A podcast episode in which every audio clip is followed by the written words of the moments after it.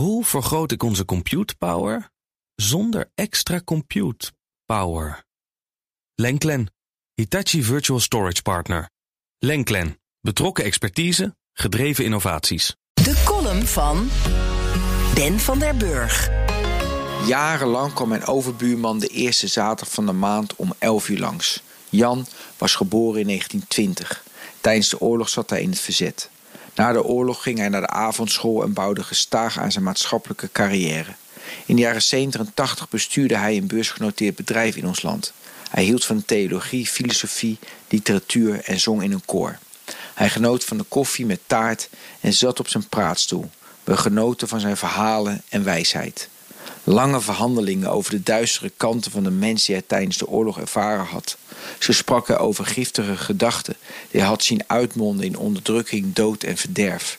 Daarom moest je altijd je innerlijk kritisch onder de loep nemen en goed weten wat je naar buiten brengt en tegen wie je het zegt.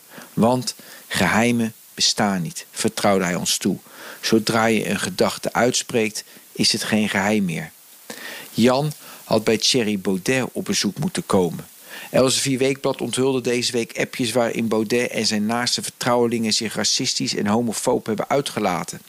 Zo zei Baudet dat blanken gemiddeld een IQ-score van 110, terwijl dat voor Hispanics 90 en voor Afro-Amerikanen 75 is. Ook antwoordde hij hell no op een vraag of hij wilde dat zijn zus met een negen thuis kwam.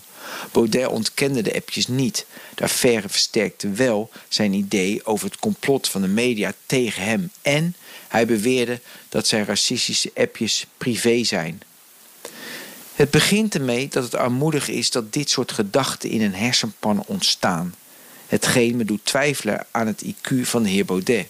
Zijn gedachtegang belooft niet veel goeds voor de uitgespreide vleugels van de uil van Minerva in de donkere nacht.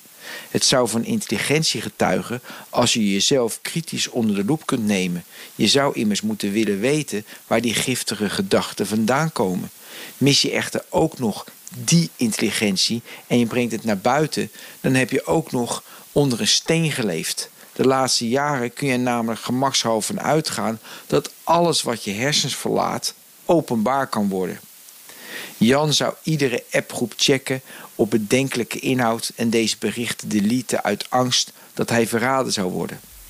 Mocht u nu ook bedenkelijke appjes bezitten, ik zou ze opzoeken, deleten voordat iemand een screenshot maakt en het deelt met de wereld. Hoe vergroot ik onze compute power zonder extra compute power? Lenklen, Hitachi Virtual Storage Partner. Lenklen, betrokken expertise, gedreven innovaties.